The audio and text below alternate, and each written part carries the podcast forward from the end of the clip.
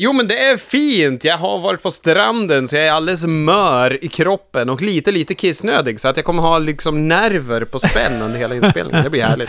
Ja, det är bra. Ha, hörni, det är med eh, två koppar kaffe i kroppen och en sprudlande entusiasm som jag hälsar er välkomna till en podd om wrestling.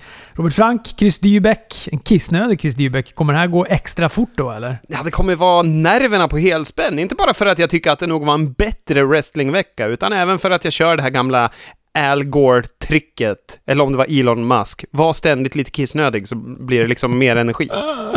Al Gore eller om det var Elon Musk. Ja, nej, men det är två som annars lätt tar, tar miste om vem det är som är citatmaskinen av dem. Verkligen inte. Ja, nej men jag håller med dig. Fan vilken, eh, vilken härlig wrestlingvecka det har varit ändå. Ja, men speciellt eftersom man var lite besviken förra veckan så kändes det ju skönt att få titta på bra wrestling igen.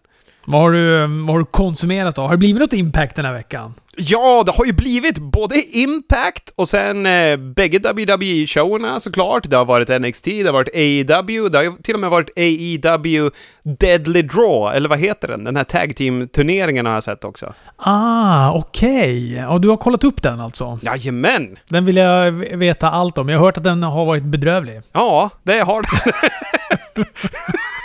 Tyvärr. Men det är ju smart att lägga den på YouTube då, så det ska de ju liksom ha cred för. De gör det, matcherna existerar, resultaten existerar. Och det kanske är det viktigaste med den där, just nu. Nej men det var ju en bedrövlig. Den kan vi kanske stöka av innan vi tar någonting annat. Det är ju alltså en eh, tag team-turnering i i damernas eh, division i AEW där de drar färger i form av lotter. Och det här är väl ett gammalt sånt här eh, VCV-koncept, va? Hade de inte det här Battle Bowl, eller vad det hette? Säkert. Men de, jag för mig de drog eh, lotter och gjorde en exakt samma sak eh, här på 80-talets slutkant, kanske. Jag minns bara att de hade någon sorts tombola inför Royal Rumble ibland, så de kunde dra olika nummer som de skulle få. Jajamän, när man aldrig får se själva bollarna med nummer. Nej. De håller dem dolt och säger vad de får.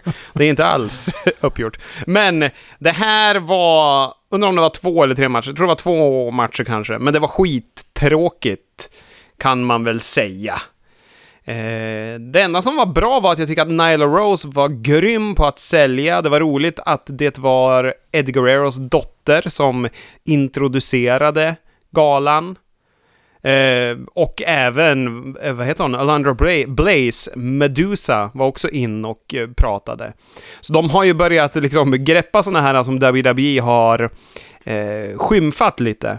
Eh, och ger dem lite plats. Men det här är väl en del i AEWs eh, AEW Heels också. Det här att man fokuserar på kvinnor mer än att man bara har kvinnliga brottare också. Man har ju det här eh, kvinnonätverket som de har startat upp. Mm, det slog mig att vi pratade, du och jag chattade ju lite igår. Då lovade jag dig att jag skulle kolla upp det här, för att jag har inte... Alltså, det, eh, eh, exakt det AW Heels. Det är det enda jag vet om det, att det heter det. Och det är ett jävligt coolt namn. Men sen har jag faktiskt jag har ingen koll på vad det är överhuvudtaget. Och jag sa vid något, lovade vid något svagt ögonblick att jag skulle kolla upp det där. Men alltså jag fastnade vid den här. Jag låg på YouTube och kollade på Mayor Wrestling Figure Podcast. Alltså eh, Matt Cardona. före detta Zack Ryder ihop då med Brian Mayers eh, före detta Kurt Hawkins. När de då har en podd där de eh, snackar wrestlingprylar, wrestlingfigurer och sånt där.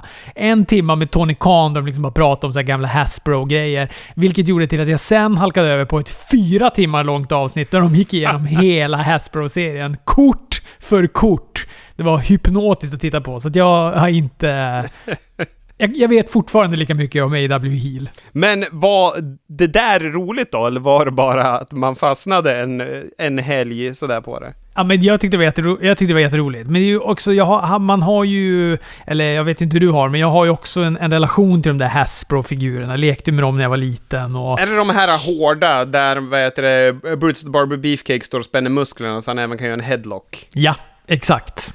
Ex exakt de, ja. De har man lekt med, de tappar huvudet. Jag kommer ihåg, vad heter det, när Anders, som vi kan eh, kalla för Anders, när hans Superfly Jimmy Snuka tappade huvudet så att han var alldeles ledsen när vi var små. Jag förstår Eh, jag. Men de där har gått i arv de, till mina barn. De eh, vet ju vem jätten André är och så vidare. Ja, ja. ja de ligger, jag, har, jag tror att den är nästan helt komplett, serien. Och jävlar det! Som jag har. Jag köpte väldigt många när jag var liten. Väldigt, väldigt många. Sen så spolade vi fram några år då jag upptäckte Ebay. År 2000 kanske. År 2001. Jag var ju väldigt tidig med Ebay alltså. Och eh, skickade då, doll, gick till eh, Forex, växlade dollar, skickade i kuvert till USA. tog liksom en vecka innan pengarna kom fram dit. Sen tog det väl två veckor innan jag fick grejerna till, alltså hem då i min brevlåda sen. Eh, Men jag köpte upp alla. Jag tror att jag saknar några och jag saknar Dustin Rhodes. Jag tror att han är en av de här riktigt jävla dyra nu för tiden också. Ja, just det. Och Akim saknar. Men jag tror nog att det bara är de två. och Sen har jag nog alla andra. Akim! Han har jag! Någonstans. Ja, du har det? Jag kan rota fram han till dig. Ja, det är ju... Och- och- Gärna. Om, om jag hittar den så ska jag absolut sända den neröver. Jag kan inte svära på det, men jag hade han och var besviken när jag fick han i julklapp, kommer jag ihåg.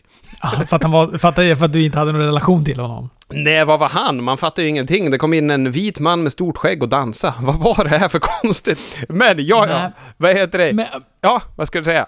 Ja, men det jag skulle säga är att jag, jag tror att för mig så blev alltså den dyr, alltså den otippas. Jag har inga såna här, jag köpte aldrig några i mint condition, utan de, alltså de var okej. De var liksom inte, det det var inte Anders Superfly Jimmy Snuka där jag bara fick en kropp och inget huvud. utan ja, det är ändå kompletta figurer och sådär, men de är inte fortfarande inplastade och inpack, eller i, i pa- förpackningar och såna grejer. Eh, Men däremot så tror jag nog att så otippat dyrast blev Honky Tonk Man. För det blev en så här riktigt jävla budkrig mellan mig och någon Asså. tysk snubbe som höll på med de där.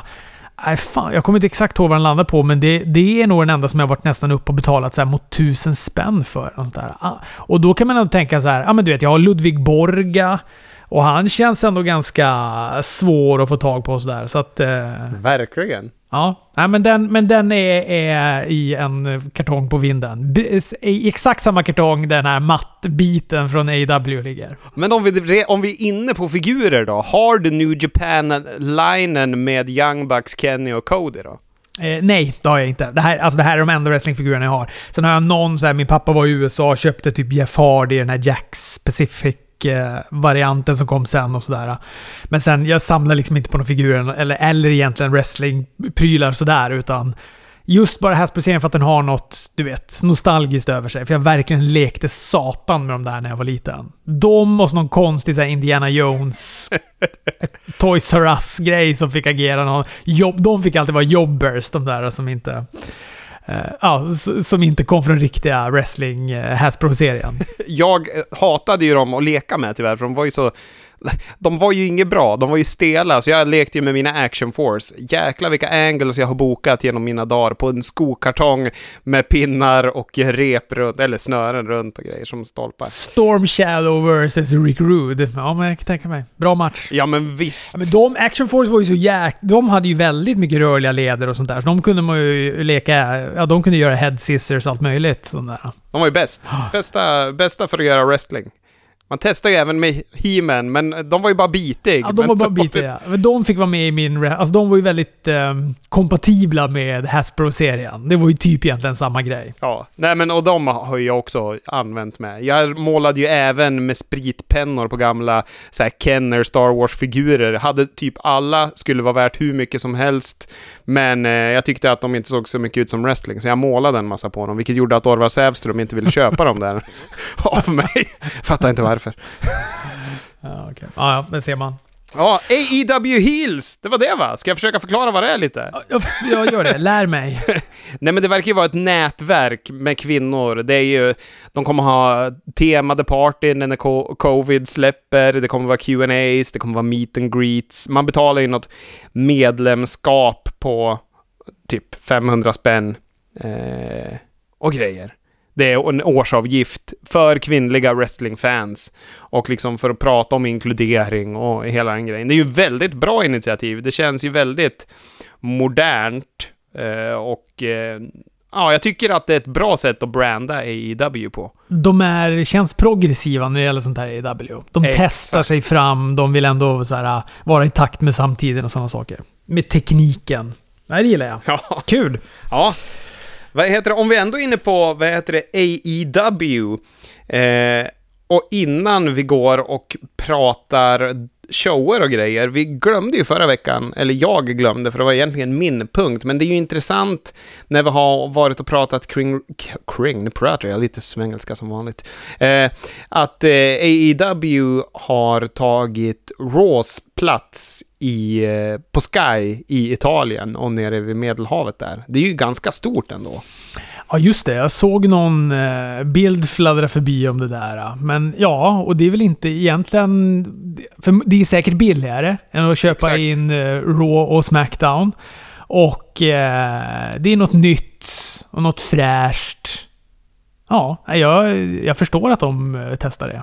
Ja, jättespännande tycker jag. Och de har ju även ett bättre tv-deal enligt de som kan sånt här i Storbritannien sen eh, starten egentligen, än vad WWE har också. Så att de har ju det ganska bra overseas, om man så säger. Jag tycker det är spännande. Det känns som att det är, nu vet jag inte heller för att man, bara för att man är själv så jäkla inne i wrestlingvärlden, men det känns som att så här, onsdags eh, tittarsiffrorna, alla sitter liksom som på nålar och väntar på rating, så det är så jäkla mycket snack om dem och sådär. Det är ju ingen, ingen som bryr sig om Raw-tittarsiffrorna eller Smackdown-tittarsiffrorna och sådär, utan nu är det liksom onsdagskriget som gäller. Ge det några år Chris, så är det onsdagarna som är the main shows. Men känns det inte lite så just nu? Jag, jag är ju mer taggad för onsdagarna än vad jag är, tyvärr då, för Raw och Smackdown eh, generellt. Gud ja, samma här. Speciellt när de levererar det, denna flygkrasch till Raw som vi fick den här veckan. Ja, det, är, Ska vi, ho- det är det mest... vi hoppa in på det, eller? Ja, Det är nog bland det mest bisarra jag sett. Ja, men vi, ja, vi tar det sen. Jag vill prata lite Smackdown innan också. Och så vill jag också att vi nämner några andra grejer. Bland annat så, så eh, kanske vi också bara ska nämna att The Rock oväntat köper XFL. Ja, just det. Det har du ju helt rätt i. Jag följde ju faktiskt XFL när det gick, till mina vänners förtret. Vad fan håller han på att kolla på det där när han kan kolla på riktig amerikansk fotboll för? Kom du in i det då? Ja, men jag har, eh, vad heter det, vänner som är väldigt intresserade av NFL, så jag får ju det av dem lite. Men då börjar man ju kolla på det här, vilket är ju farmarligan deluxe. Men jo, jag kom in i det lite. Jag valde ett lag, höll på DC Defenders, följer deras DC Bear Snake, eller vad den heter. Det är någon orm de bygger av tomma ölmuggar varje match tills de la ner. Det var jättedåliga matcher, men eh, äh, jag tycker att det var underhållande att se när man försöker bygga upp en helt ny liga. Det var faktiskt fascinerande. Ja, okej. Men du- så, eh, hakade du på det nu eller såg du det också den här första svängen de körde? Nej, inte första, inte första. Däremot tycker jag dokumentären, har man inte sett den så bör man se den här uh, ISBN-dokumentären Är det kanske? Mm, Ja, ja, det det. finns ju en. Den är väldigt bra tycker jag. Ja, den är kanon. Och där fattar jag det som att de ändå så här, äh, var lite banbrytande och ändå gjorde Ja, ja. grejer som NFL sen tog efter och sådana saker. Så, att- Exakt. så något, något har han ju ändå, McMahon, när han drar igång en sån där grej. Ja, det är ju, om inte annat, är det jävligt vågat att göra något sånt där. Men jag fattar, har du sett det här The Ballers eller vad nu, För visst är det någon sort, The Rock har ju någon sorts komedi, är det någon komediserie? Eller det På är någon HBO, serie på va? HBO. Ja, så där han är typ en amerikansk fotbollcoach. Har inte sett det. Jag eh, har, har ju lite mycket wrestling att titta på, så att jag, det har inte blivit av. Ja, jag klandrar inte. Jag har inte heller sett en ruta av det. Men det känns som att han försöker göra någon sorts realitet av The Ballers. Vi Ja. får väl se vad det blir av det. Vi snubblar lite kring Martin Jannetty också. Det här med att han har wastat en snubbe möjligen. Det där, alltså, han, han skrev ju ett eh, bisarrt inlägg på sin Facebook när han pratar om hur han eventuellt kanske har mördat någon. Han fick någon att försvinna i alla fall som tafsade på honom vid 13 års ålder och sen så kommer det ju lite hot till höger och vänster mot den kvinna han är i relation i, med just nu också. Men jag, jag har så dålig koll på Martin Jannetty idag. Eh, jag vet att eh, ja, men Sebbe skickade till mig när, en printscreen på när han precis hade då, eh, lagt ut det här på och då sa han så här, det här är egentligen är inget konstigt för Martin Genetti, han lägger ut väldigt, väldigt mycket. Han verkar stökig på internet. Han är stökig på internet. Och, men det var bra på något sätt att han la ut det här, för jag märkte att jag inte följde honom och det måste jag ju göra. Jag måste ju vara team Marty all the way. Men nej, det här är... Av alla som skulle lägga ut något konstigt ifrån wrestlingvärlden så känns det här på något sätt minst överraskande att det är han som kliver ut och eventuellt har mördat någon, är homofobisk och allt möjligt. Tyvärr. Ja, stökig, minst sagt. Jag försökte se, se någon eh, intervju, eller jag lyssnade på en intervjupodd med honom. Clickbait alltså in i helvete, för den bara liksom marknadsförs som så här, Martin Jannetty, nu berättar han, lägger korten på borden. Har han dödat någon? Och, så här. och det var... För det första är det väldigt svårt att hänga med vad han säger, ens för att det är liksom fram och tillbaka och hit och dit och sådär. Så han är ju väldigt... Ja, men han är otydlig, är han väldigt otydlig. Och, eh, och var väl ändå så här, typ som att han försökte tona ner att han skulle ha dödat någon, men sen ändå var så här. Eh, han sa ju inte att han inte hade dödat någon. Att det var ju mycket bara i termer som så här, eh, det är en person, jag såg till att den där personen aldrig någonsin någon... Jag såg till att den här personen inte kan göra sådär mot någon annan någonsin mer och sådana saker. Ja, det är väldigt konstiga saker han säger när han ska ta tillbaka det. Ja, och, Men jag fattar det som att ändå så här, polisen skulle investera, eller skulle så här, göra någon sorts, uh, skulle kolla upp det här. I alla fall den här sjön som han snackar om också i inlägget. ja, det verkar ju vara himla... Han verkar ju inte ha någon legal representation som lägger munkavel på honom i alla fall, vilket han kanske borde ha. Han för sin egen talan i rätten också. Det är en, det är en rättegång jag gärna skulle vilja se. Han har ju varit där förr när han bröt nacken på någon stackare i WWE för massa, massa år sedan. Ja, just det. Det var väl tidigt va? I, var det inte med Shawn Michaels i The Rockers? Jo, jag tror det. Det var ju när han gjorde, gjorde en Rocker Dropper, så det kan ha varit där när han skulle få sin eh, singel-push när de hade splittrats, tror jag. Men jag är inte säker. Men jag vet att det var en, alltså en Fame-Master, en Rocker Dropper-variant han gjorde det med. Men apropå lawsuits, jag har ju en anteckning här som det står Svanen lawsuit. Det är för att min, vad heter det, telefon inte kan skriva Shane tydligen. Men han är ju inblandad i någon jävla lawsuit såg jag. Har du sett det? Jaha, nej inte ett jota om. Han eh, äger något företag som håller på med typ elbilar kanske. Jag slänger mig med det i alla fall. Och de har, eh, han är något högt upp där, men han är väl mer på pappret än att han är aktiv. Men det är ändå han som liksom skriver på officiella dokument och så vidare. Och då har de hävdat att de äger någon, vad heter det, typ industripark i Kina. Men när investigators Investigators åker dit så existerar inte det. Och det finns inte de saker de säger, så de har ljugit inför investerare då. Så att han är tydligen i hyfsat mycket trubbel där, eftersom det är han som är den som står som underskrift på lögnerna. Är han någon sorts bulvan eller? Ja, eller, eller lita på polare. Det är svårt liksom och, och Jag fick inte ut så himla mycket mer än det där. Ja, okej. Okay. Ja, ja. Hm. Får vi se vad det blir av det där då. Ja. Det är ju en, en människa med pengar. Det känns alltid som att det, det går det spelar ingen roll hur mycket, hur mycket klammer med rättvisan de har. Har man mycket pengar då tenderar man att klara det där ändå. Så att jag hyser inte jättestor oro över Shane McMahon. Ska vi ta några tankar från Smackdown? Ja. Och då pratar jag alltså om förra veckans Smackdown, det vill säga det som sändes den sista augusti. Älskar, jag tyckte det här var ett, innan jag börjar säga någonting annat, så tycker jag att det var ett väldigt, väldigt bra Smackdown. Jag gillade det jättemycket. Älskar att det började på sånt här gammalt hederligt eh, promo med bakgrund, snacka in i kameran sätt. Ja, det var härligt. Det kändes som att de försökte något. Ja, men jag gillar det där. Det är rakt upp och ner, titta in i kameran, klipp din promo-jävel. Jag håller med. Och AJ Styles mot Grand Metalik tycker jag också var en bra match. Trodde den skulle kanske föda någon sorts mer betydande eh, storyline där mot Chad Gable. Nu blev det väl kanske en match nästa vecka mot Lindsey Dorado eftersom AJ Styles då oprovocerat hoppade på honom efteråt. Eh, eh, efter att han hade fått då Grand Metalik att tappa ut i sin golf Crusher. Den var kanske lite ensidig va? Jag kan tycka att det var en lång match som inte gav Grand Metalik så mycket. Tyvärr. Nej, men fan då hans repgig är ändå spektakulära att se alltså. Fascinerande vad duktig han är på de där grejerna. Han ska ju tydligen vara svinbra som heel när han höll på i Mexiko. Det, Men det har man inte fått se så mycket av här. Men hela Lucha House Party tycker jag är ganska skadeskjutet. De är ju ett sånt här gäng som... Och skulle man se dem dyka upp i AW på onsdag så skulle de säkert vara hästlängder bättre. Ja. För att det känns som att det är ett skadeskjutet och två att de hålls tillbaka. Eh, Att det är så här någon har...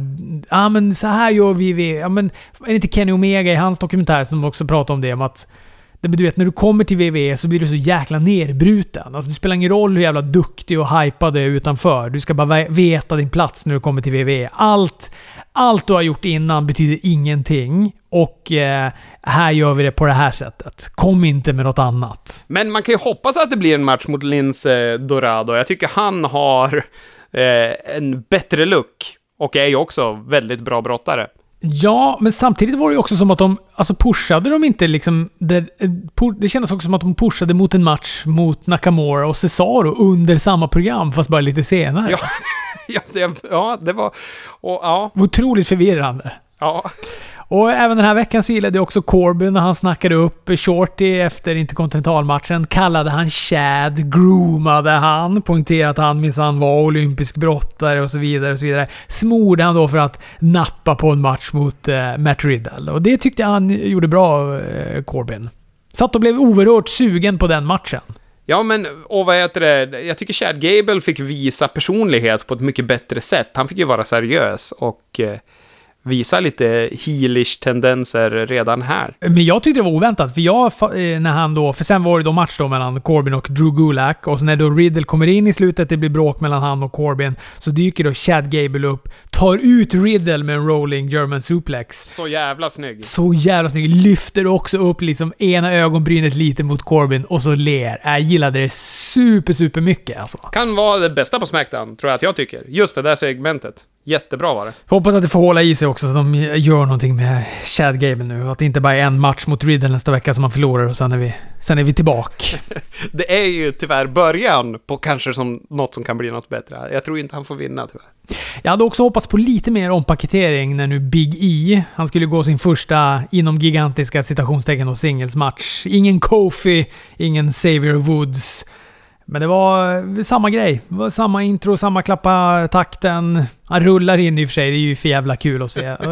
Så att, men jag vet inte, jag hade hoppats på någonting. Alltså en ny stil, nytt intro, nya kläder. Alltså göra en tydlig distinktion från New Day. Här tappar de bollen tycker jag. Både i att det inte var något nytt i presentationen. Sen var väl matchen lite lång och bara en meat and potatoes match för min smak. Jo, verkligen. Han gick mot The Miz. Vann. Ja. Inte helt Ja. otippat. Nej. Sen var det La- eh, Lacey och Naomi som gick en rätt menlös match som Naomi också vann. Men eh, ja, skit i det. Det frapperande i den här matchen var väl ändå att de inte klippte bort den här gigantiska botchen. Eller eh, snarare att de inte tar om den. Det är ju ändå Ja. ett bandat jävla program det här. Ja. Men hon gick ju, Naomi gick för en glidande Canadian Destroyer på Lacey, men misslyckas kapitalt. Den såg usel ut, det är tydligt att de misslyckades och de tar ändå inte om den. Det, är typ, det speglar lite hur mycket de bryr sig om den här matchen. Ja, verkligen. Och sen kanske det, det är något i deras här, äh, ni får fan lära er att göra rätt. Bryta ner dem lite. Exakt. Ja, gör ni så här, då ser det för jävligt ut på TV också. Är- det är inte svårare än så. nej.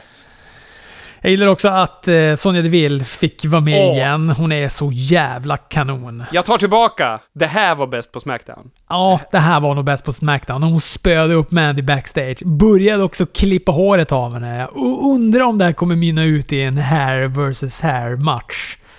Det är i och för sig min absoluta hatmatch. Mest för att det är, jag skulle hellre kapa ett ben än att eh, klippa av mig själv mitt egna hår.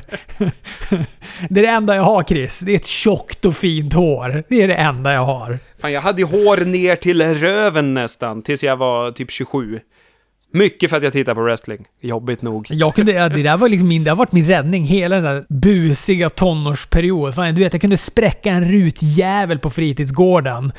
Stå med liksom en hammare i handen och bara Nej men det var inte jag. Och så tittar de på mig som Ah, nej Robert, han har så tjockt och fint hår. Han ska aldrig göra en sån här grej. kom undan med, jag hade kommit undan med mord. Jag hade kunnat vara Marty Jannetty. Jag hade kunnat stå med tegelsten i handen, lik bredvid mig och bara Det var inte jag. De bara nej, han har ju så tjockt och fint hår. Alltså, en, en kille med sådär tjockt och fint hår skulle aldrig göra något sånt där. Jaha, fan där har vi ju tricket. Marty, lyssna. Nej men fan, Sonja Deville. Sonja Deville är ju... Hon är ju grym. Verkligen. Bailey och Nikki Cross var main eventet om titeln. Jag tyckte också det var en bra match. Jag satt och var orolig hela matchen att Nikki skulle ta den. Hon, alltså hon har förlorat så många gånger, så det känns som att nu... Men hon kan inte förlora igen. Nu kommer hon ta den. Så det var det som jag satt och blev lite stressad över. Men det gjorde hon inte. Däremot så verkar det nu krakulera ordentligt mellan eh, Cross och Bliss där, för Cross puttar henne till backen när hon lämnar ringen. Och så kommer The Fiend och kör fingrarna i halsen på Alexa. Och det avslutar Smackdown. Ja, lite fånigt avslut, tycker jag. På ett annars ganska bra. Ja, men jag vet inte. Det är för att de vill använda Alexa i den här... Men grejen är att, alltså... De, de har väl inte fått så jävla mycket utrymme att att Braun Strowman, för det var väl när de gick den här Facebook Watch-grejen, Mixed Tag Team-matcherna, så parade de ihop då Alexa Bliss och Braun Strowman. Minst och störst typ. Ja. Och så var det värsta grejen om det och sådär. Och de, eh, de brottades väl. Hon råkade hamna i hans famn någon gång och så utböt de någon blick. Likt Mandy Rose och... Eh, vad heter han nu? Jag vill säga Otis, Ortiz hela tiden. Otis heter han, just det.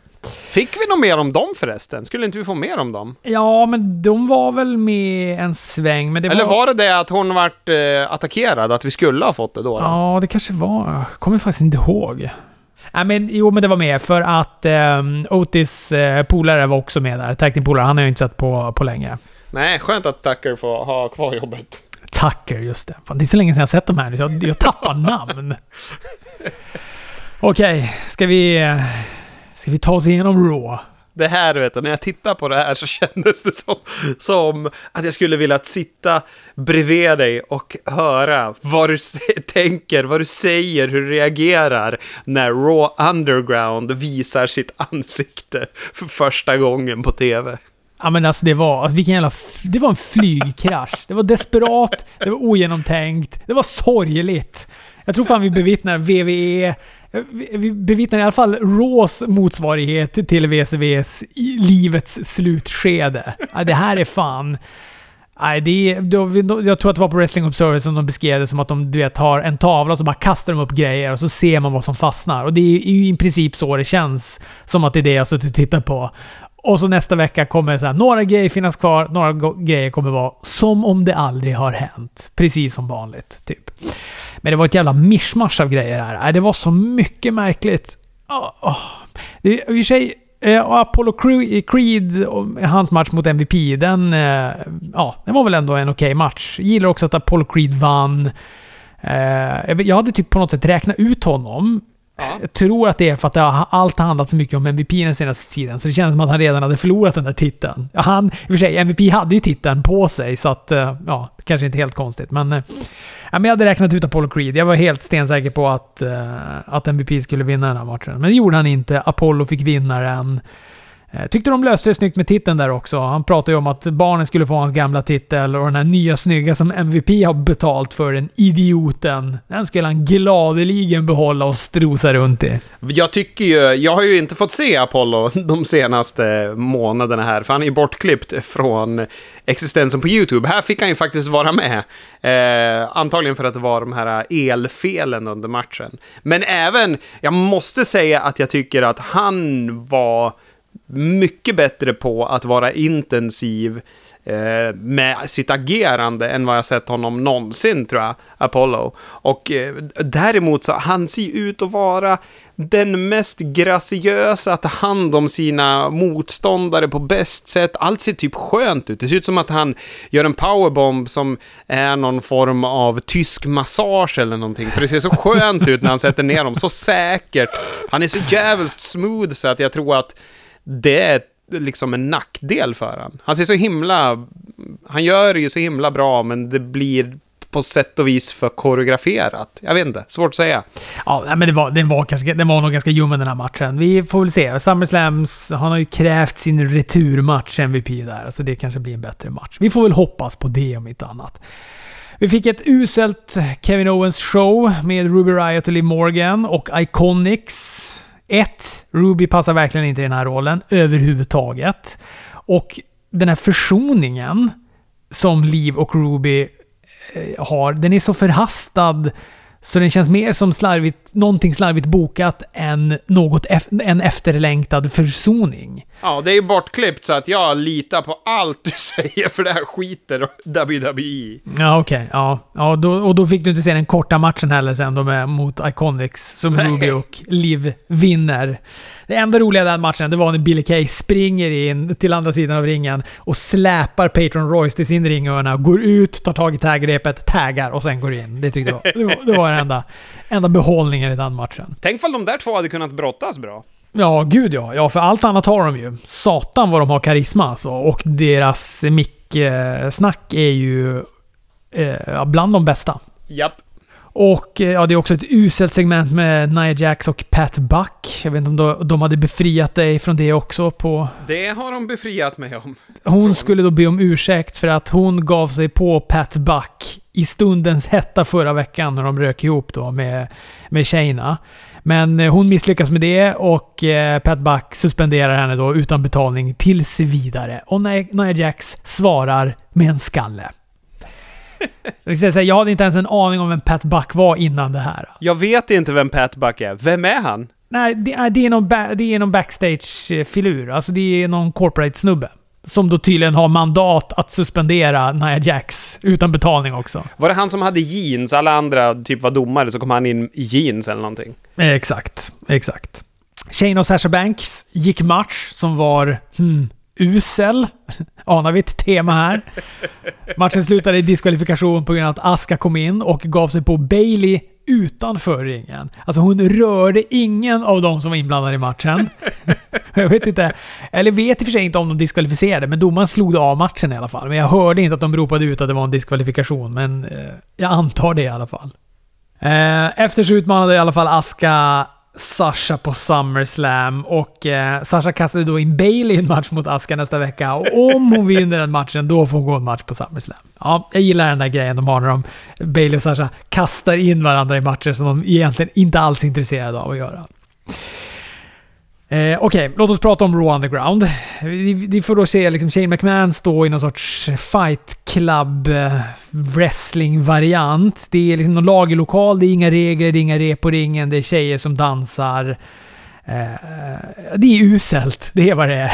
Ja, det är så jävla dåligt. Ja, jag vet inte. Nej, vad kan man, alltså... Och han är så här eh, jobbigt överhypad och berättar att han har tagit över den här källarlokalen. Att det kommer vara Raw Underground. De hintar väl om det lite tidigare. Eh, och sen så kliver det upp någon snubbe. Är han någon jag bör känna till? Den här uh, som känns som skurken i en Jean-Claude Van Damme-film. Som får spöa lite folk till höger och vänster. Ja, ja, förmodligen är det någon sån. Jag har ingen koll på dem överhuvudtaget. Nej, bra. Då är inte jag dum i huvudet som inte vet vem det är med andra ord. Men och jag kan också känna så här, att det är en sak om jag hade någon sorts förtroende för WWE, att de skulle hålla en sån här grej vid liv i längre än två veckor. Du vet att det fanns någon sorts tanke eller långs, långsiktig plan med det här. Men det vet vi ju att det gör det ju inte. Det, de har ju, det här är ju något som de... Det är ju sista minuten i det. Och det här kommer förmodligen vara borta om några veckor. Och det kommer inte att leda... Det, det, kommer, inte, det kommer inte leda någonstans. Nej, för det mynnade ju ut i att vi fick även se en av Viking Raiders och även, eh, vad heter han, allas våran eh, Dolph Ziggler gå mot no-names i någon form av MMA-matcher. Och det här är ju två brottare som har brottningsbakgrund, alltså amatörbrottning. Eh, och fick visa sina sådana skills mot några lokala talanger liksom. Men det var ju... Shane McMahon som sprang runt ringen och agerade någon form av hype man. Det var inga kommentatorer eller någonting. Det var bara, ja, en uppvisning i grekoromerskt, typ Jean-Claude Van Damme-film. De har ju sett på det i veckan och bara Det här måste vi göra! Det är så, det är så, det är så ofräscha referenser också när Bruce Pritchard sitter och tittar på den här. Hörni, jag har en grej. Jag såg en Jean-Claude Van Damme-film i helgen. Jag tänker, ska vi göra så här? Ja, nej för fan. Jag vill aldrig mer se det här. Jag vill verkligen aldrig mer se det här. Jag tyckte att det var bedrövligt. Vet du vem som vill se mer av det här och tycker det här var det bästa de har gjort på länge? Säg inte du, för då kommer det här vara det sista poddavsnittet vi gör. Nej, men CM Punk. Nej, fan, han får ju skärpa upp sig alltså. Jag tappar all respekt för den där karln snart. jo, han gick ut och på det här på FS1 eh, så gick han ut och sa det. Det här är jättehärligt. Jag vill se att de tar in mer brottare som gör det här. Det här var frä fräscht och nytt. Men han är ju bara obstinat. Alltså han är ju bara obstinat den killen. Han vill ju bara vara tvärt allting annat. Här är han inte the voice of the voiceless i alla fall. Här är han the voice of a rambling old man. ja. Ja, ja. Garza Andrade gick också en... Garza och Andrade fick också varsin match mot Street Profits. Det här var ju också så jävla märkligt. Alltså det är mycket märkligt som händer här. Garza vann över Dawkins efter att Ford fick en stroke utanför ringen. Och, och då blev han liksom då... Dawkins blev orolig över sin kompis, vilket gjorde att han förlorade den matchen. Andrade vann över Ford eftersom Ford fick en stroke i ringen. Han hade ju blivit clearad av läkare emellan matcherna, ska man komma ihåg också.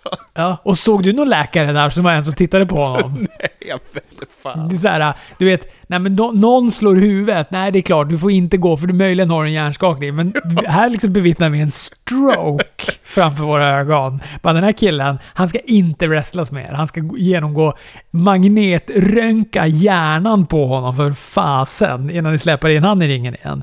Nej, nej, nej. En, en, en liksom Domino's pizza-reklam senare, då står han i ringen igen och så gör han sin grej. Får stroke nummer två. Konstigt! Vart leder det här? Vart leder det här? Ja, jag vet inte. Men sen var det ju någon sorts segment där då, då hans fru Bianca Belair kommer ut och säger att han har blivit förgiftad. Och ger sig på då Melina. Nej, Melina heter hon inte. Selina heter hon ju ger sig på då Selina och eh, säger att det är hon då som har förgiftat Montesfort. Men det är ett märkligt gift som då ger han en stroke när han blir exalterad över det här repgigget. Det är då som stroken slår till. Det kanske är bara att han har fått en diagnos i narkolepsi, för de kan ju här, när de blir skratta mycket eller blir väldigt arg kan ju de somna. Det kanske är hans nya gimmick. Seth Rollins ville att uh, Murphy skulle ge sig på Tom Phillips den här gången. Det har ju slagit slint i huvudet på alla på Raw alltså.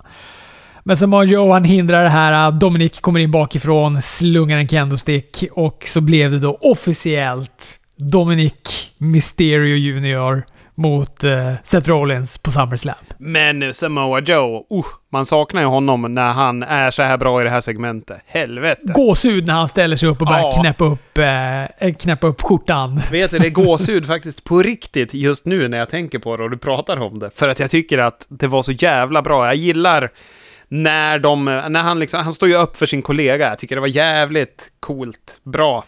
Ja, men det, det är typ det och Drew Ortons snack. Det är typ det som var det enda bra. Allt annat var fan uselt på den här. Vi fick ju, det var ju inget main event heller. Det var ju det inget förklarande om de här maskerade människorna som var och välte någon låda och satte eld på något elskåp så lamporna fladdrade och mikrofonerna fungerade sporadiskt. Kan det, ha varit ett, kan det varit ett gäng producenter från Impact som var på besök kanske? Ja, just det. Vad heter det? Jag måste bara säga att vi, Dominic kan ju eventuellt vara Eddie Guerreros son, om vi ska tro storylines då. Nej, men det var ju en grej de körde.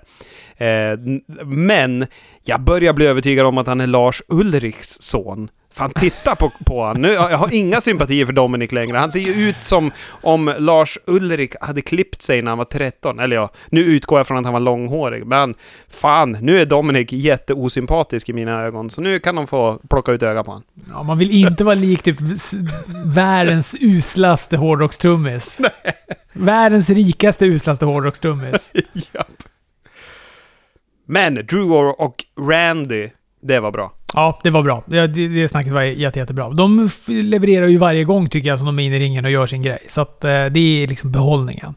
Det är det och... Eh, det är det och Samoa Joe-grejen här. Det var det enda som var bra på det här rået. Ja, men det var två väldigt bra grejer, vilket gjorde att jag hade en positiv känsla men det kan vara också för att jag såg så mycket fram emot att höra dig brinna över Raw Underground. Ja, men grejen var så här också. Du vet när jag satt och kollade på det här och det här Raw Underground-grejen kommer igång och Shane är där och så här, och, och, du vet, jag bara tänkte så här, okej, okay, Raw Underground, det här är en ny grej nu som ska köra igång.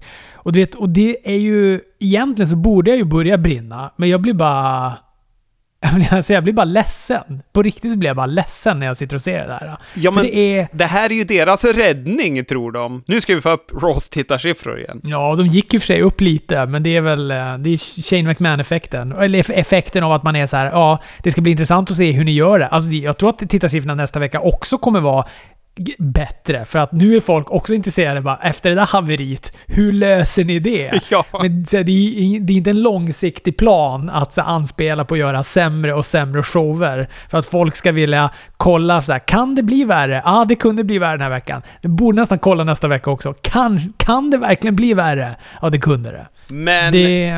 Mm. Nej, kör. Ja, nej, men jag, var, jag känner mig klar med Raw där. Bra, innan vi hoppar in på onsdagen så kan vi hoppa in på tisdagen. För då hade vi faktiskt Impact on Access TV, eller vart fan de nu är. Som jag har tagit mig igenom. Jag lovade ju att komma med eh, huruvida jag kommer fortsätta titta på Impact eller inte. Och vi kommer ta det efter jag har gått igenom mina få takeaways eh, från den här showen. Då. Börjar ju med att Heath ska kämpa om att få vara eh, en impact-brottare eller inte när han möter Moose i en lång, tråkig match med en finish som är i slow motion och här börjar jag klocka ut redan. Det här var skit. Det var jättedåligt. Så här kan man inte tro att man ska vinna tittare. Man, man tror att Heath Slater kommer vara lösningen i en dålig match dessutom. Han har ju aldrig varit en bra och spännande brottare på det viset. Men skilde det sig någonting? För jag tänker, nu vi kommer ju prata AW det sen, men Zack Ryder kändes ju ändå så mer spänstig och det, det känns som att säga, här, ah, ja, har, har, har jag någonsin sett han så här bra? När jag ser han i AW. Det tycker jag inte, men nu mötte han ju Moose som är väl en begränsad brottare också. Alltså det här var en seg match med långsamma moves. Det var någon form av så här screwy finish. Domaren vart knockad så att eh, han kunde ha vunnit matchen om domaren var vaken, men sen så förlorade han på en roll-up, handful of tights och domaren räknade en, två, tre. Alltså det var, var så dåligt. Eh, men nej, han såg inte alls... Eh, han, visst, han fick ju göra mer än vad han har fått göra i WWE. Men mer av Heath Slater är inte alltid bra kanske. Nej, det är nog alldeles korrekt. Sen så var det lite matcher och sisådär. Men det var ju Wrestlehouse som var för mig den stora räddningen. Ah, jo, en till grej som var dåligt. De hade Motor City Machine Guns som var de som fick mig att börja titta igen. I en promo som var ungefär lika seg som slutet på Heath-matchen. De pratade i låg energi om ointressanta saker. Sen kom The North ut och var snäppet intressantare än Motor City Machine Guns. Och det var så att jag, jag höll på att få panik där. Då räddade Wrestlehouse mig. Som fortfarande var lite underhållande, men betydligt mindre underhållande denna vecka. Jag är ju kär i Johnny Swinger för hans tröja med hans eget märke, ser lite ut som Twisted Sister-märket. Det var mitt band, eller vad man ska säga, när jag var tonåring. Jag älskade Twisted Sister. Och han har eh, Marty Ginetti-färger på byxorna, vilket jag tyckte var skitbra, tills Marty Ginetti gick och eventuellt hade mördat någon.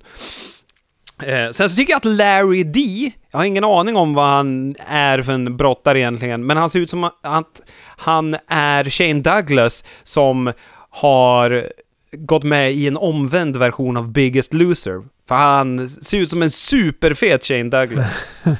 eh, och Kylie Ray är fantastisk. Hon gick en match mot hon gick en match mot Rosemary där hon både agerade bra, brottades bättre än de flesta kvinnorna i någon, något förbund gör just nu. Hon borde ju vara någon annanstans än på Impact tycker jag. Hon var ju svinjävla bra, tycker jag. Men det, det är en, en, bra brottare som är i fel förbund, sannoliken.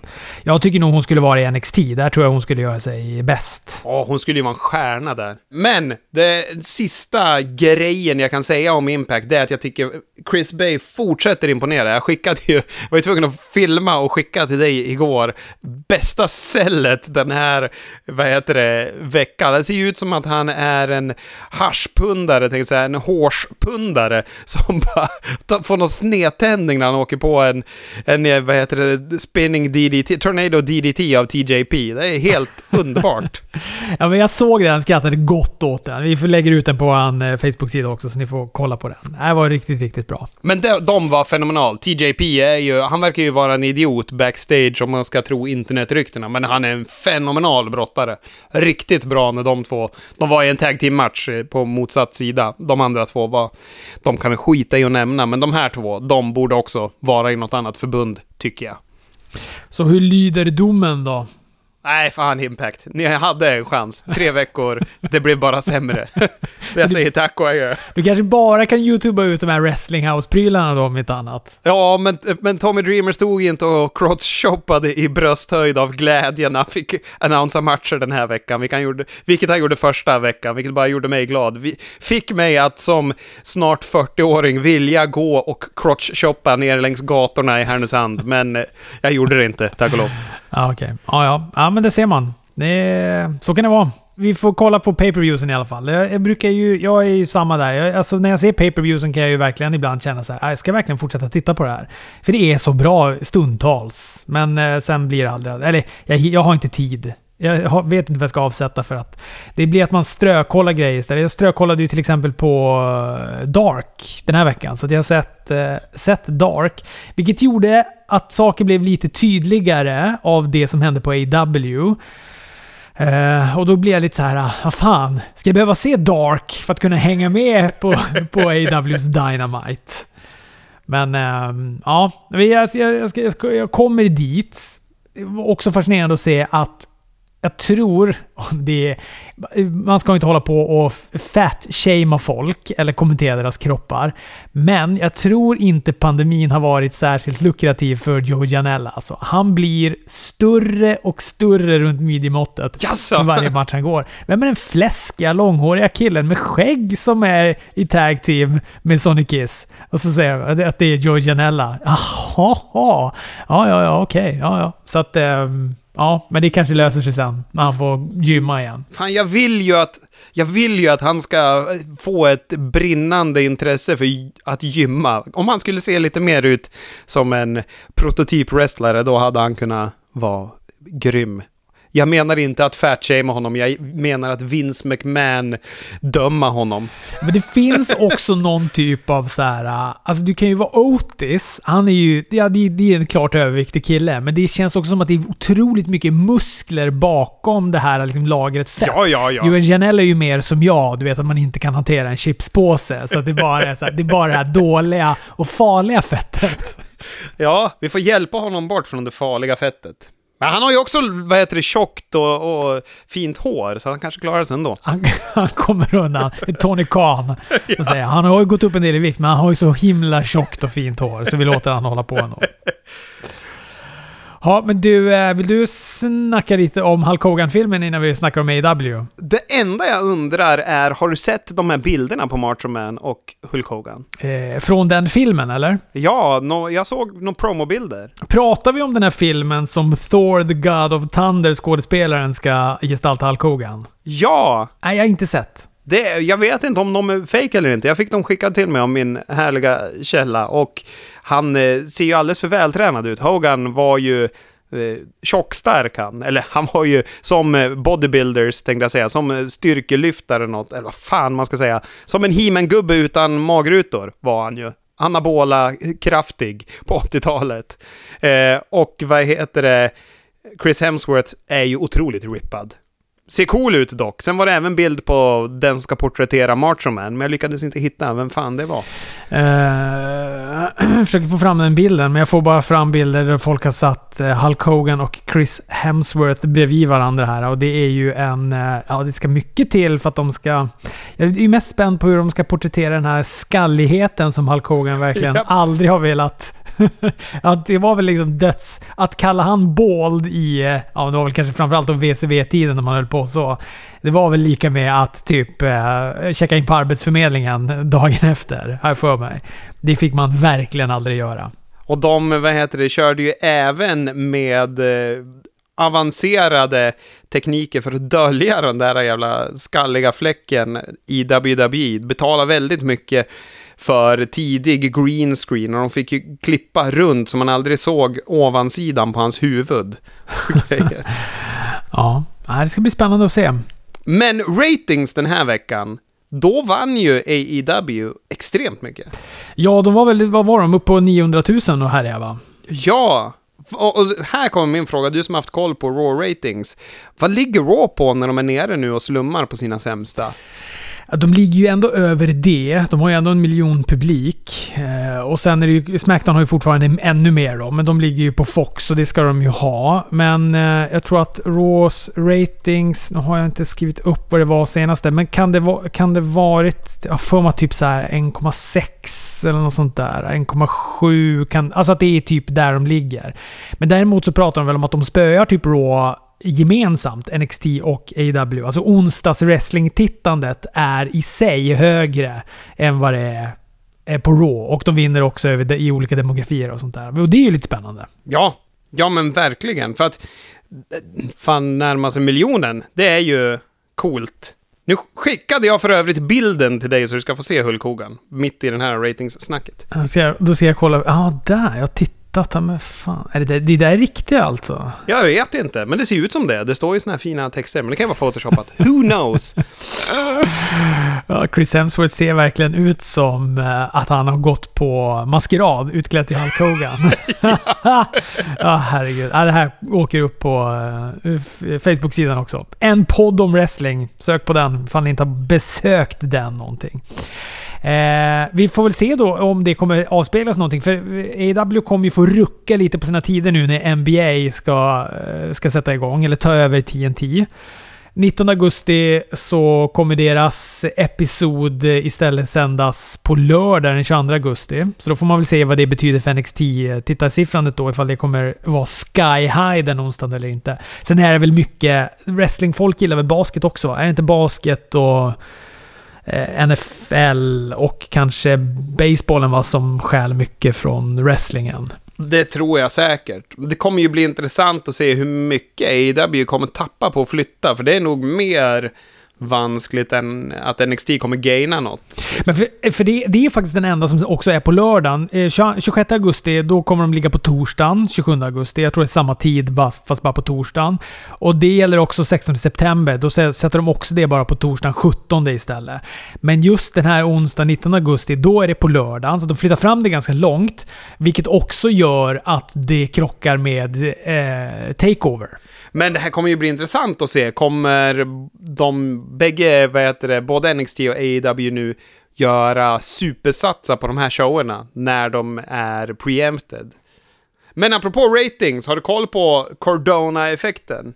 Nej. När han gjorde sin debut förra veckan, det pratade vi om. När han kom in och räddade Cody. Då plussade de 84 000 tittare, det segmentet. Och NXT tappade 71 000 tittare det segmentet. Oj, att folk är, är folk så jävla peppade på Zack Ryder? Ja, men det verkar som att det var... Och det är ju intressant, för tänk om det hade varit ett stort namn. Men det måste ju vara härlig boost för hans självförtroende. Sen så hade de ju bara signat honom för fem appearances, verkar det som. Och det är väl liksom nyktert och bra av AEW. Jag tycker AW var bra. Jag tycker både Raw och AW var bra den här veckan. AWs öppningsmatch, de öppnade ju med den här 12 manna tag till matchen som var en riktig jävla föreställning alltså.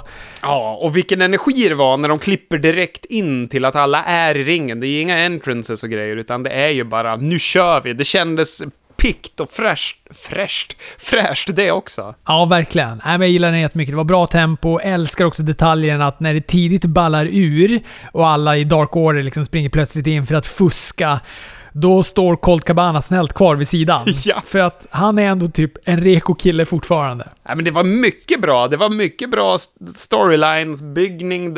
Jag tycker att hela Dark Order funkade på något sätt i den här matchen. Trots liksom det här slukhålet som de är, så var det bra. Ja, ja verkligen. Alltså den här matchen gjorde de jättebra. Det är en tag team match med Dark Order också, där John Silver och, och, och den andra som jag inte kommer ihåg exakt nu när jag inte ser hans namn framför mig. Jag tycker också var bra. Jag tycker de gjorde det bra. Så det är liksom... Eh, man har... Vänta, jag har ett hårstrå i munnen här som jag måste bara reda ut. Det är så tjockt! Som har fan en pälsmössa i munnen. Så.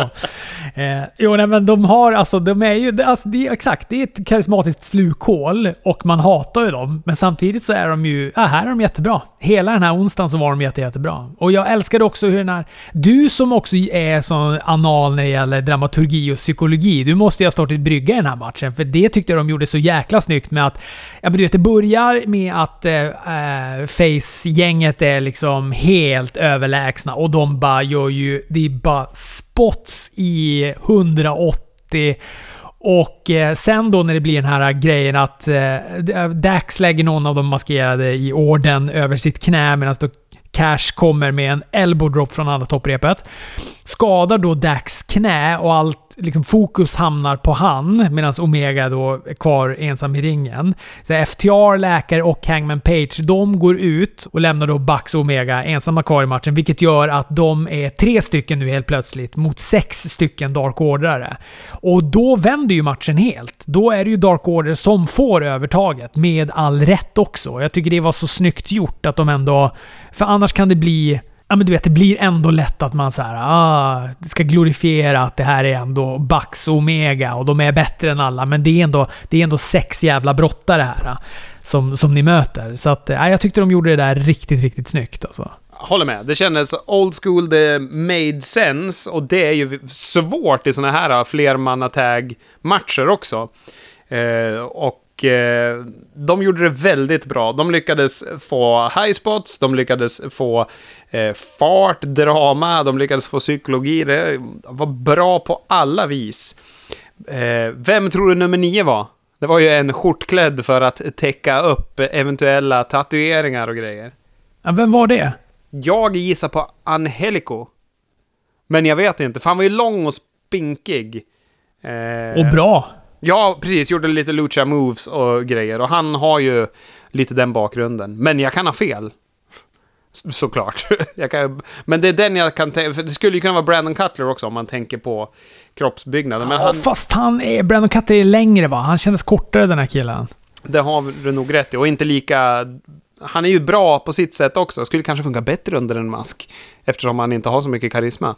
Ja, Men... Lägg av nu. Jävlar, han och Peter Avalons tag Det är, det är en fröjd att se dem mot Sonic Kiss och, eh, och den nyfeta Joey Janella på Dark. Fan, nyfet! Det var ju ett härligt uttryck ändå.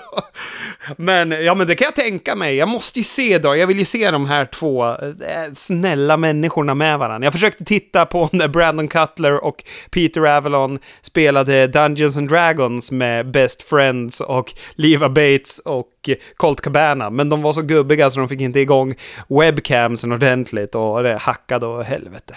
Men men. Ja, men Page kommer ju tillbaka i alla fall sen då i den här matchen. Eh, eh får väl till det och kan reda ut en hel del.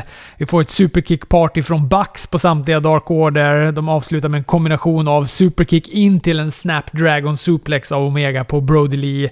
Eh, sätter upp för en buckshot lariat av Page, missar, åker själv på en av Brody Lee istället som tar pinfall och vinner matchen. Med all rätt. Ja, med all rätt. Bra skit.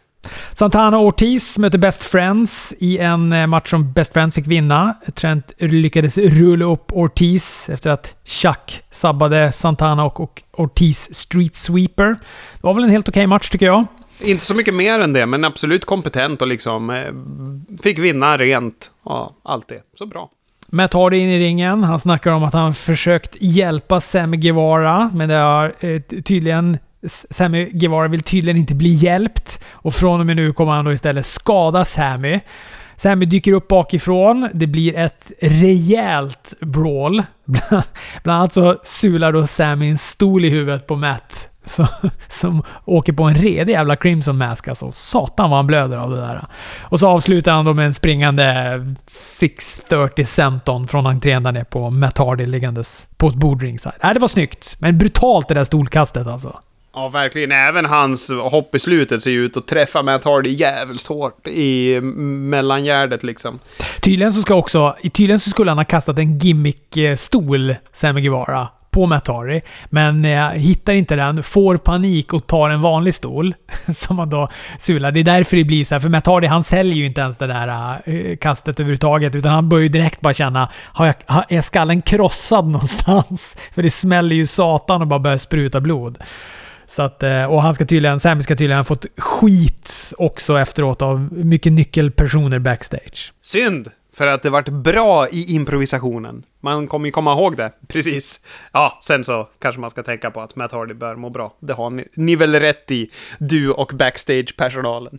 Cody och Matt Cardona mot Dark Order. John Silver och Alex Reynolds heter han ju ja. Ungefär som min mor, morfar heter Reinhold i förnamn. Så det borde jag, borde jag ju kunna komma ihåg. Eh, ja, men det här var ju en match för att visa upp eh, Cardona och han fick också ta pinfall efter sin radio silence på, eh, på Silver. Jag tyckte det var en bra match. Jag gav förvånansvärt bra match, måste jag säga. Både från Dark Order-grabbarna och Matt Cardona tycker jag också var, till motsats från Heath Slater då, helt plötsligt intressant och väldigt taggad och bra. Han var ju...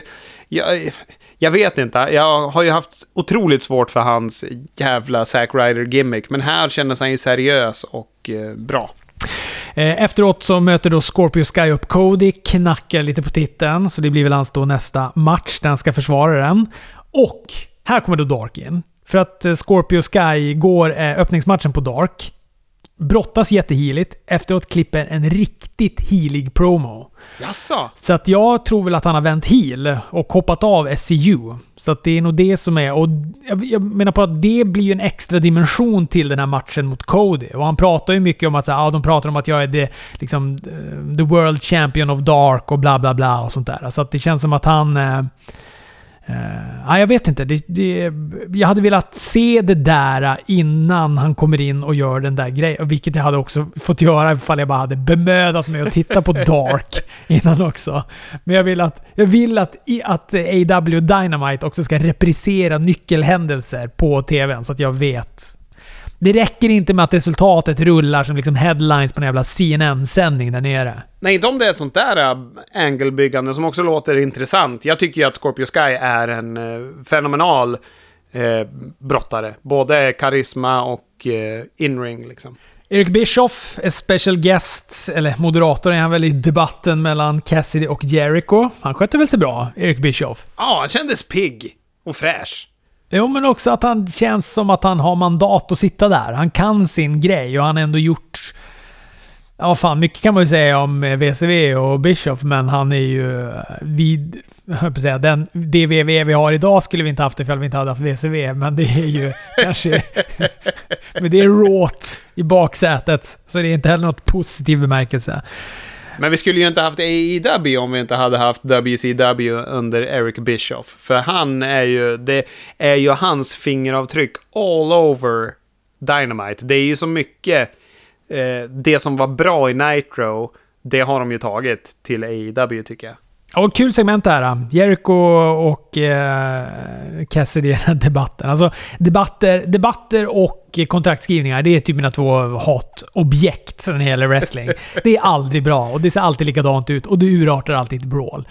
Nu urartar det här också för sig ett brawl, men alltså jag har aldrig sett en debatt som har varit så här bra. Alltså Jericho sköter ju då allt, allt snack. Orange säger ju inte ett ord, precis som han ska. Förutom när det då lite apart när alla frågor handlat om wrestling. Plötsligt kommer en fråga som handlar om klimatet. Då jävla brinner han till Orange Cassidy.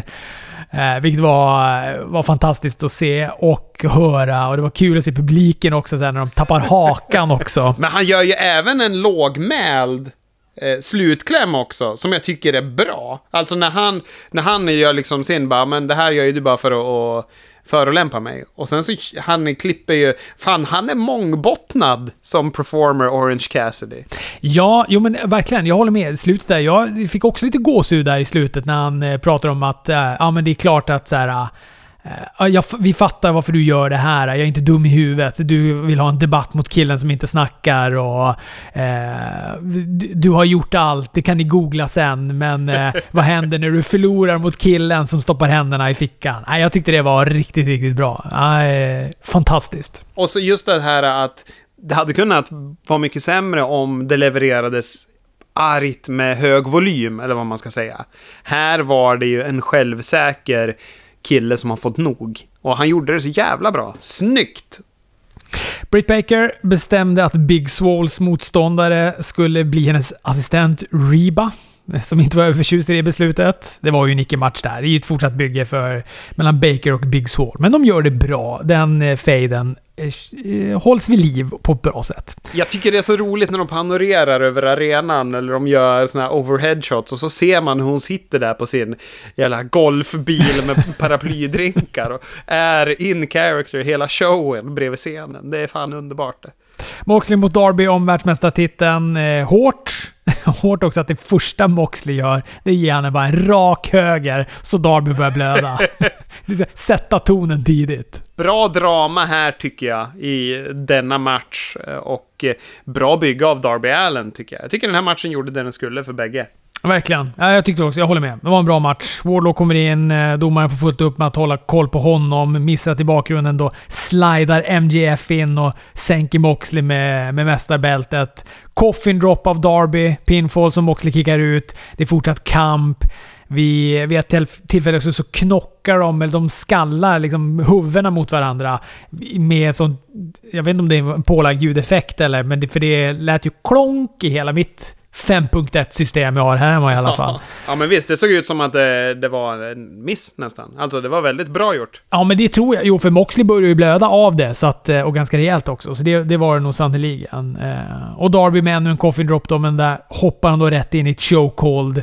Vi får en eh, pile driver, en pile driver och eh, där var man också rätt säker på att han eh, att han skulle vinna Moxley, men då kickade Darby ut. Och då fick jag lite, lite gåshud. Och sen en paradigm shift och så var matchen över. Nej, det var bra. Mycket bra avslut. Och inte en... Det var, ju, det var ju dessutom en sån här New Japan paradigm shift när han inte gör den snälla varianten utan lyfter upp dem så han spikar dem i mattan. Snyggt. Mm. Ja, det var bra. Vi hade ju även MJF under showen som hade lite kampanjgrejer också, som knöt ihop med den här säcken, knöt ihop säcken i slutet med att han kom in med bältet. Just det, precis. Jag tyckte också det var bra att han eh, blev förbannad i slutet också, att Darby inte vann. För att han, det är klart att han hellre vill möta en, eh, en liksom 20 kilo lättare emo-kid än, än Moxley om den där titeln. Ja, snyggt. Ha NXT då. Öppnar med Dakota Kai och eh, Rhea Ripley. En number one contenders match. Jag börjar prata redan, för jag är så, lite så här... Jag är rädd att folk tycker den här matchen var mycket bättre än den förtjänar att vara. jag tycker den bara var lång. Det betyder inte att den är bra. ja, du anade rätt. Jag tyckte den var jättespännande. Jag gillade den jättemycket. Men jag är ju alltid på Dakota Kai alltså. Ja, du är ju det. Nej, men jag tycker att den var ju kompetent och bra, men jag tyckte att Rhea Ripley kändes otroligt grön. Som att Dakota Kai fick leda henne genom matchen. Men det är... Hon hade ju för sig upp de här... Rhea Ripleys upprepade knä över näsbenet när hon har ett stadigt grepp i bakhuvudet. Det är övertygande att se. Men jag håller med. Det var något med Rhea Ripley. Det är som att hon tappat lite självförtroendet när NXT tappade henne. För att hon eh, var ju ändå... pushade stenhårt. Det var mot Charlotte Flair. Hon tog titeln. Eh, och så gick hon då den här matchen mot Charlotte Flair på WrestleMania som hon förlorade. Och så bara... Sen dess har det ju bara varit rakt ner för henne. Japp, så är det. Men jag, jag tycker att Dakota Kai var väldigt bra i matchen. Men jag tycker matchen var ljummen som, eh, som match älskar Dakota Kai, den här Scorpio-kicken hon gör. När hon liksom lite nonchalant bara skickar upp en häl i hakspetsen bakom ryggen. Jag tycker det är, det, det är ett grepp som förtjänar ett pris. Vinner också på sin go-to-kick efter att Mercedes Martinez kommit in från ingenstans och sänker Rhea Ripley bakom ryggen på domaren. Vars fan är Gonzales? Hon har ju inte varit med Dakota Kai på ett tag nu. Nej, det har hon inte. Undrar om det är någon covid-variant, att hon håller sig hemma eller något. Så kan det vara. Shane Thorne mot Bronson Reed. Reed vinner på en Death Valley Driver följt av en Big Splash från topprepet. De bygger upp honom inför Takeover. Med all rätt. Han känns ju bra han. Fan, jag gillar honom mer och mer när jag ser honom. Ja, jag tyckte det här var en bra match också. Shane Thorne är också bra. Ja, lite... eh, Saknar lite kar- karisma. Han, han och Stu Grayson kan ju få åka iväg på några läger ihop. Escobar-gänget, de är igång med kidnappning igen. Det var ju kul. Vi fick ett snabbt segment där de plockade in Fandango i bagageluckan. Ja, jag tycker att vad heter det, det var... Jag, jag var rädd att det skulle bli pajigare än det blev. Men jag tycker att de är fan bra som grupp. De kändes lite hotfulla. Ja, ja, ja. De lyckades ju bättre nu än när, när de själv blev kidnappade av sig själva. Hur det där nu gick till. Det är så struligt, så jag vet inte vad. Eh, Damien Priest mot Oni Lorcan och Ridge Holland i en sån här kvalificeringsmatch då till den här stegmatchen om North American-titeln på Takeover. Han var en eh, stor rackare den här Ridge Holland ändå. Ja, och badass. Han hade ju inga knäskydd. Då är man ju tydligen hur badass som helst. Ja. Ja, och duktig också. Jag tyckte det var en bra match det här. Oni Lorcan är en sån jävla arbetshäst alltså. Ja, stackarn. Han är ju en modern Tito Santana. Han kommer aldrig få något... Han kommer aldrig få vara i någon Hall of Fame. Nej, men och det, nej, det kommer han aldrig få vara. Men han är en sån där som gör... För det är ju han som håller den här matchen flytande och gör att den är så bra som den är också.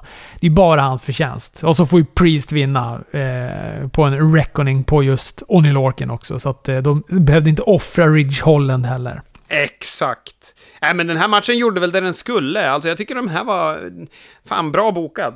Ja, och jag tror också... Priest var nog den som jag höll på... Eller som jag också trodde skulle vinna den här matchen. Jag tror nog till och med att han kan vara den som går hela vägen och tar titeln också. Han känns som en het kandidat. Han är ju väl, de har ju groomat han länge. Absolut. Och nu när vi fick veta att Dexter Loomis inte kommer vara med, för han är skadad tydligen, när han gjorde sin volt. Men eh, jag tycker att eh, Priest blir ju bara bättre och bättre också, tycker jag. Både han och Bronson, de eh, blir jag mer och mer så här, fan, de här grabbarna gillar jag. Varje gång jag ser dem. Keith Lee mot Grimes. Jag gillar att Grimes fick utrymme i den här matchen och att det inte var en squash. För att det hade ju lätt kunnat vara det, för att Keith Lee var arg och förbannad för det. Ja, ett för att Cameron Grimes är så jävla ettrig och jobbig, men två också för att han har det här med Carrion Cross hängande över sig och det han gjorde med Dayak. Men eh, jag gillar också att han, han var så kalkylerande och lyckades liksom vända Keith Lees grepp ständigt, eh, Cameron Grimes. Det är smart byggt. Det är smart att bygga han så. Lite som Jay White i New Japan. I övrigt inga jäm jämförelser. Eller det skulle vara skägget då i sådana fall. Jay White måste raka av sig det snart. Han ser för bedrövlig ut med det där skägget. Vad heter det? Men Cameron Grimes, han måste ju vara en kandidat till en sån person man absolut inte skulle vara, vilja vara på något socialt umgänge. Man skulle ju kräkas om han hade varit som han är som karaktär. Det är en, en röst som skär i stigbygeln. Ja, men det funkar ju. Det är ju jättebra att han eh, är jättejobbig. Lee vinner också matchen. Efter så blir det mörkt. Vi hör Scarletts röst. Hon snackar rumänska. Tydligen bott i Rumänien. Född i USA men flyttade till Rumänien. Bodde där fyra år. There is no time, the end is near, ska hon ha sagt på rumänska där. Och det är väl lite det som är någon sorts tagline för Karrion Cross. Han dyker ju sen också upp där på storbildsskärmen, dräper någon backstage. Var det Lorcan ja, som han... Eller Danny Burch kanske var, för de skulle väl mötas nästa vecka ser jag nu här i ja, pappren precis. också. Mm. Men han gick även med vad heter det, sin vad heter det, skjorta som någon form av eh, frack eh, tails hängande liksom bak på sina byxor när han gick där. Det var lite intressant. Men han såg brutal ut. Sen händer det grejer då, precis som du var inne på. Regal dyker upp på Zoom. Han säger att Dexter Loomis har stukat foten, kommer inte kunna delta på Takeover som är om flera veckor fram. Det är... Ja, det är märkligt. Hans eh, plats kommer då förlorarna i alla matcher göra upp om, om två veckor. Det är också en märklig lösning. Speciellt när det är Regal som...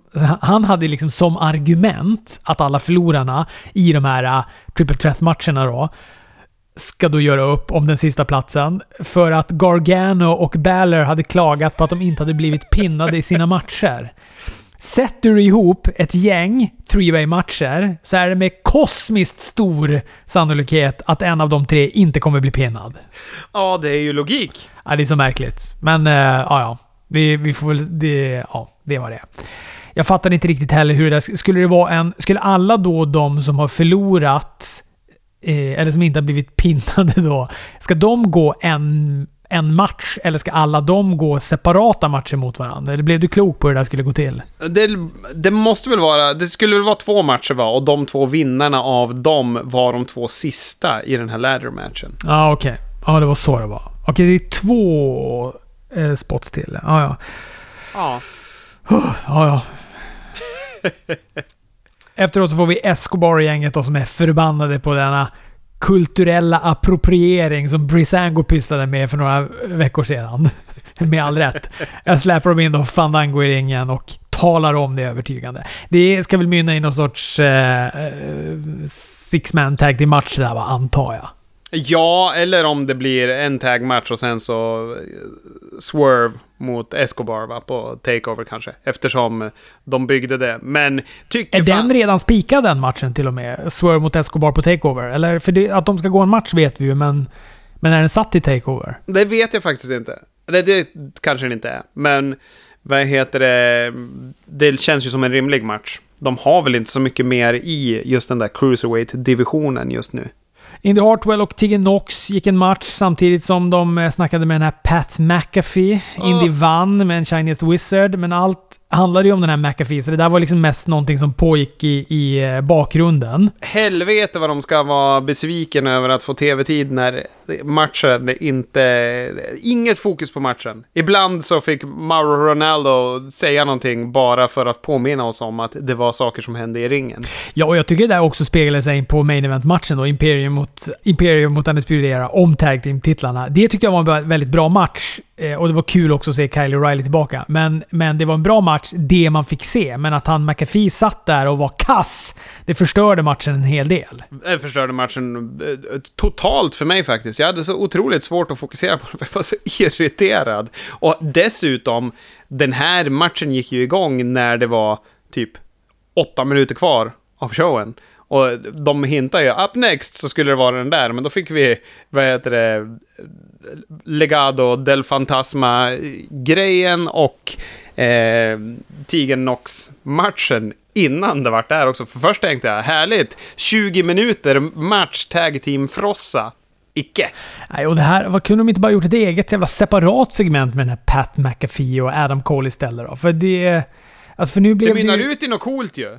Ja, det gör det ju. Ja, både och kan jag väl tycka. Alltså det är coolt att han sitter ju där och är kaxig och det ska liksom komma klippbilder till honom hela tiden och det är liksom svårt att fokusera på matchen för att han håller på att snacka. Han börjar väl ändå vara ganska så här, men sen blir han ju healer och healer. Han börjar ju liksom, går ju clinch med Becky, Becky Lynch, jag på säga, Beth Phoenix, så till den milda grad att hon hänger av sig headsetet och går därifrån. Eller ja, går, går in i köket och hon sitter väl hemma och gör det här. Eh, så att de liksom börjar tjafsa och så sen så ser man ju att Cole han håller på att liksom stirra dit hela tiden. Och, så här, och sen hör ju han då när McAfee säger något, något taskigt om honom. Jag vet inte om man kallar han, vad var han sa? En, en arg elf eller något sånt där. Och då, då, då brann det ju för Cole. Som kommer dit och det blir tjafs och så börjar de ju bråka. Och sen, eh, sen däckar ju då McAfee Cole med en rejäl jävla spark och det avslutar hela NXT. Och han är ju en punter då, som vi har eh, benämnt tidigare. Det är de som ska sparka bollen så långt som möjligt i en amerikansk fotbollsmatch. Så det är självklart att han kommer där och gör en puntkick i huvudet på honom. Men eh, Adam Cole säljer den ju som en Oscarsvärdig skådespelare och jag tycker även McAfee är en väldigt bra heel när han blir bortknuffad av Triple H som kommer och skäller ut honom och han blir utsläpad av security och säger att det är en väldigt oprofessionell organisation ni har här. Väldigt kaxigt och glatt när de släpar ut honom i lobbyn liksom. Ja, och sen nu ska det ju bli match då eh, mellan Adam Cole och McAfee. Så det får man väl se vad det blir av det. Han ska tydligen ha legat i hårdträning i typ flera år för wrestling McAfee. Så att eh, då... Jag vet inte, man har ju inte jätte... Det är väl Ronda Rousey som var typ den senaste som var så här, där jag ändå bara... Ja, det här kommer vara skit. Och sen så blev jag väldigt, väldigt positivt överraskad när hon väl klev in i ringen. Men vad heter det, han den här Green Arrow-killen var väl kompetent också? Ja, det kanske han var ja. Ja, just det. Som, det är Codys polare va? Yes. Men vad heter det, det är ju konstigt det här, för Adam Cole är ju solklar babyface Ja, i det här. ja, ja visst. Det gick fort. Så, ja, men så hur ska de boka den här matchen? Jag tänker själva matchupplägget. Ska han liksom få eh, läxa upp han hela matchen? Eller kommer han göra något fult i början liksom så att han får övertaget McAfee? Det kommer bli intressant att se det. Ja, det kommer det bli. Men det, och det, jag tror att det kommer bli väldigt tydligt med det här nu. Alltså han kommer, nu kommer de hålla på fram till takeover. Då kommer han vara en jävla gris, den här McAfee. Ja. Eh, och eh, han kommer förmodligen vara otroligt ful i matchen mot Cole också. Det tror jag. Ja, Men Cole kommer ju vinna den. Den här McAfee kan ju inte vinna det där. nej, det får man ju verkligen eh, hoppas att de låter bli med. Men det känns ju lite som, eh, vad heter det, jag diskuterade med med en, eh, ja men med Anders, jag får väl benämna han med hans jävla namn. Men jag diskuterade med honom igår kring det här, att det är ju lite som, eh, eh lite, vad heter han, Andy Kaufman-aktigt. Eh, just det här att man tar emot en kändis, bara det att det återspeglar ju vart vi är i tittarsiffrormässigt. Att när Lawler och Kaufman körde det, då var det hos Letterman. Nu i dessa tittarsiffror, då är det på en podcast hemma hos Pat McAfee. Ja, men 1600 personer som tittar. Så det är, Ja. ja. det är klart. Det är skillnad det. Sen tycker jag vi aldrig mer ska jämföra Pat McAfee med Andy Kaufman. Det vill jag, det vill jag aldrig mer höra. Nej, jag sky- vi skyller på Anders helt. Jag är oskyldig. Bra. Chris, tack för den här veckan. Tack själv! Ni som har lyssnat, tusen tack. Vi hörs igen nästa vecka.